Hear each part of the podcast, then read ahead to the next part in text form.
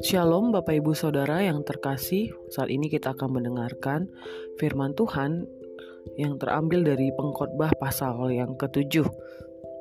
Saya akan bacakan ayat ini bagi kita semuanya di dalam uh, pasal 7 ini dari ayat 1 sampai ayat 29 Hikmat yang benar Nama yang harum lebih baik daripada minyak yang mahal, dan hari kematian lebih baik daripada hari kelahiran. Pergi ke rumah duka lebih baik daripada pergi ke rumah pesta, karena di rumah dukalah kesudahan setiap manusia. Hendaknya orang yang hidup memperhatikannya. Bersedih lebih baik daripada tertawa, karena muka muram membuat hati lega. Orang berhikmat senang berada di rumah duka, tetapi orang bodoh senang berada di rumah tempat bersukaria. Mendengar hardikan orang berhikmat lebih baik daripada mendengar nyanyian orang bodoh, karena seperti bunyi duri ter terbakar di bawah kuali, demikianlah tertawa orang bodoh, itu pun sia-sia. Sungguh pemerasan membodohkan orang berhikmat, dan uang suap merusakkan hati. Akhir suatu hal lebih baik daripada awalnya. Panjang sabar lebih baik daripada tinggi hati.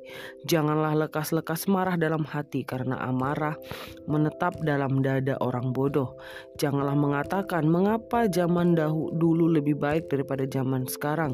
Karena bukannya berdasarkan hikmat engkau menyata, menanyakan hal itu.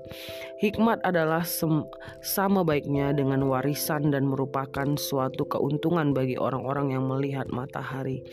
Karena perlindungan hikmat adalah seperti perlindungan uang dan beruntunglah orang yang mengetahui bahwa hikmat memelihara hidup pemilik-pemiliknya. Perhatikanlah pekerjaan Allah, siapakah dapat meluruskan apa yang telah dibengkokkannya? Pada hari mujur bergembiralah, tetapi pada hari malang ingatlah bahwa hari malang ini pun dijadikan Allah seperti juga hari mujur supaya manusia tidak dapat menemukan sesuatu mengenai masa depannya. Dalam hidupku yang sia-sia aku telah melihat segala hal ini. Ada orang saleh yang binasa dalam kesalehannya, ada orang fasik yang hidup lama dalam kejahatannya. Janganlah terlalu saleh, janganlah perilakumu terlalu berhikmat. Mengapa engkau akan membinasakan dirimu sendiri? Janganlah terlalu fasik, janganlah bodoh. Mengapa engkau mau mati sebelum waktumu? Adalah baik kalau engkau memegang yang satu dan juga tidak melepaskan yang lain karena orang yang takut akan Allah luput dari kedua-duanya.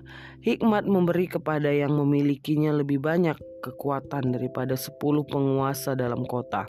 Sesungguhnya di bumi tidak ada orang yang saleh yang berbuat baik dan tidak tak pernah berbuat dosa. Juga janganlah memperhatikan segala perkara yang kuucapkan diucapkan orang supaya engkau tidak mendengar pelayanmu mengutuki engkau. Karena hatimu tahu bahwa engkau juga telah kerap kali mengutuki orang-orang lain. Kesemuanya ini telah kuuji untuk mencapai hikmat kataku. Aku hendak memperoleh hikmat tetapi hikmat hikmat itu jauh daripadaku. Apa yang ada itu jauh dan dalam, sangat dalam. Siapa yang dapat menemukannya? Aku tunjukkan perhatianku untuk memahami, menyelidiki, dan mencari hikmat dan kesimpulan, serta untuk mengetahui bahwa kefasikan itu kebodohan dan kebebalan itu kegilaan. Dan aku menemukan sesuatu yang lebih pahit daripada maut. Perempuannya adalah jala yang hatinya adalah jerat dan tangannya adalah belenggu. Orang yang dike, dikenan Allah terhindar daripadanya, tetapi orang yang berdosa ditangkapnya. Lihatlah ini yang kudapati, kata pengkhotbah. Sementara menyatukan yang satu dengan yang lain untuk mendapat kesimpulan yang masih kucari tetapi tidak da, tidak kudapati. Kudapati seorang laki-laki di antara seribu tetapi tidak kudapati seorang perempuan di antara mereka. Lihatlah hanya ini yang kudapati bahwa Allah telah menjadikan manusia yang jujur, tetapi mereka mencari banyak dalil. Pengkhotbah pasal 7 ini berbicara fokus berbicara mengenai hikmat. Ya, ada dua hikmat. Pertama, hikmat manusia yang mencapai kebinasaan dan kedua hikmat Allah yang membawa kemujuran. Bapak Ibu Saudara, pengkhotbah menuliskan pasal 7 ini bukan tanpa dasar. Ini berdasar kalau kita baca yang saya bacakan tadi itu berdasarkan pengalaman pribadinya si penulis kitab ini sendiri. Dan yang saya tahu penulis kitab ini adalah Salomo sendiri dan kita lihat kita mengetahui sejarahnya Salomo dia adalah raja Israel yang tersukses di mana dia bisa membawa kejayaan kepada bangsa Israel. Bahkan dia terkenal dengan raja yang paling berhikmat. Tapi anehnya Bapak Ibu Saudara, dia sendiri yang menyatakan bahwa itu semua sia-sia. Apa yang dia kejar itu adalah sia-sia karena membawa dia kepada kebinasaan. Justru dia bilang dikatakan uh, dia mengatakan bahwa hikmat Allah yang membawa kepada kemujuran. Jadi dari sini kita mengetahui bahwa ada dua versi hikmat Bapak Ibu Saudara. Hikmat dari Allah dan hikmat dari manusia. Tetapi yang menarik bagi saya itu di dalam ayat 8 dikatakan bahwa akhir suatu hal itu lebih baik daripada awalnya.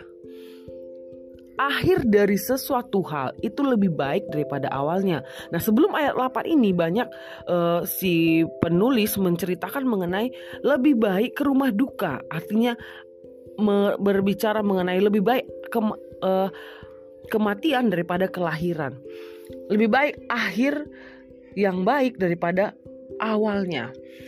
Ya, dalam hidup kita akan ada saat di mana kita mempunyai pergumulan di antara awal dan akhir.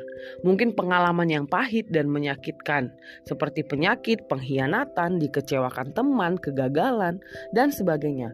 Banyak orang di akhir ajalnya atau saat ditimpa penyakit yang parah baru menyesal, tidak menghabiskan waktu bersama dengan keluarganya, atau tidak melayani Tuhan saat bisa, atau menyesali pilihan buruk yang dia uh, pilih pada masa lalunya.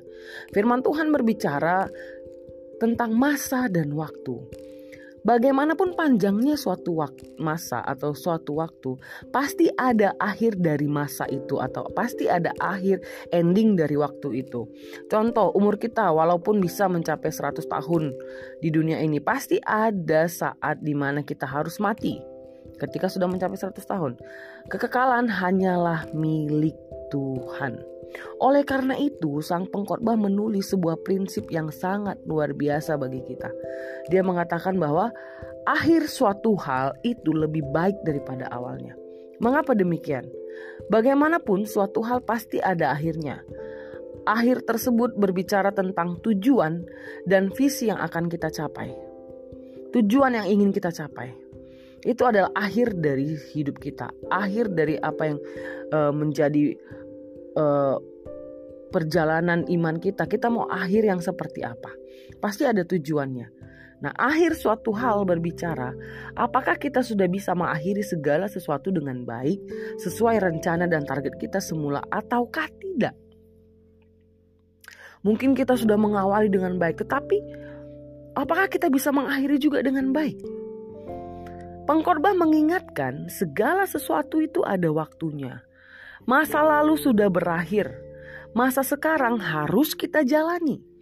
Masa lalu tidak akan dapat berubah.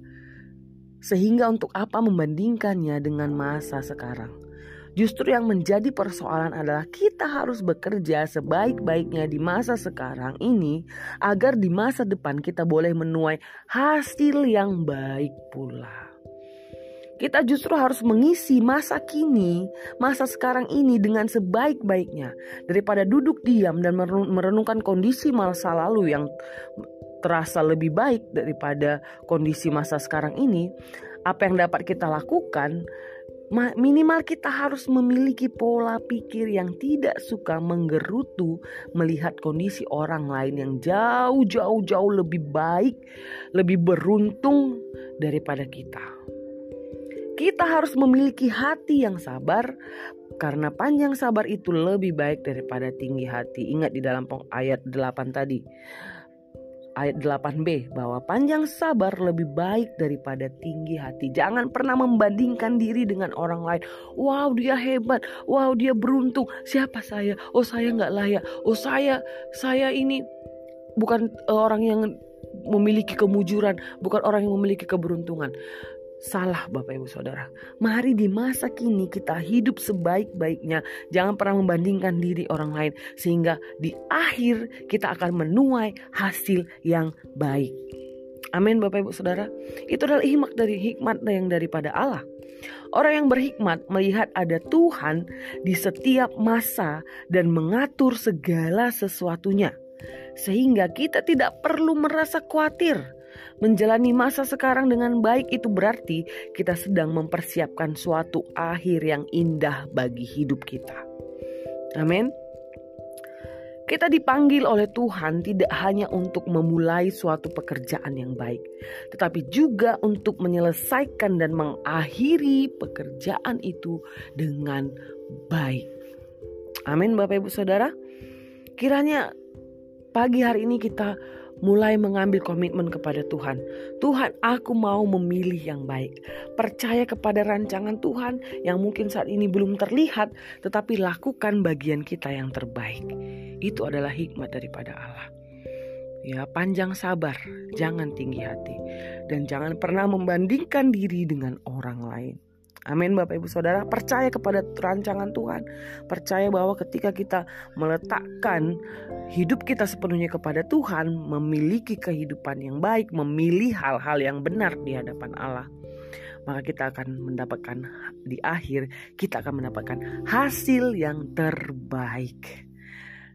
Mari kita berdoa. Bapak yang baik kami bersyukur buat pagi hari ini buat firmanmu yang datang kepada kami. Kami mau belajar Tuhan memilih hikmat daripada Tuhan bukan hikmat dunia ini. Kami mau belajar memiliki panjang sabar, memiliki kesabaran sehingga kami bisa melihat di tengah-tengah situasi yang tidak menyenangkan sekalipun kami bisa melihat bagaimana Allah sedang bekerja, bagaimana Allah sedang melakukan rancanganmu di dalam hidup kami sampai pada akhirnya Tuhan kami mendapatkan hasil yang terbaik. Terima kasih Tuhan, kami mau mengakhiri segala hal dengan yang baik Tuhan karena kami percaya dengan akan pekerjaanmu. Terima kasih Tuhan, di dalam nama Yesus kami berdoa dan mengucap syukur. Haleluya. Amin.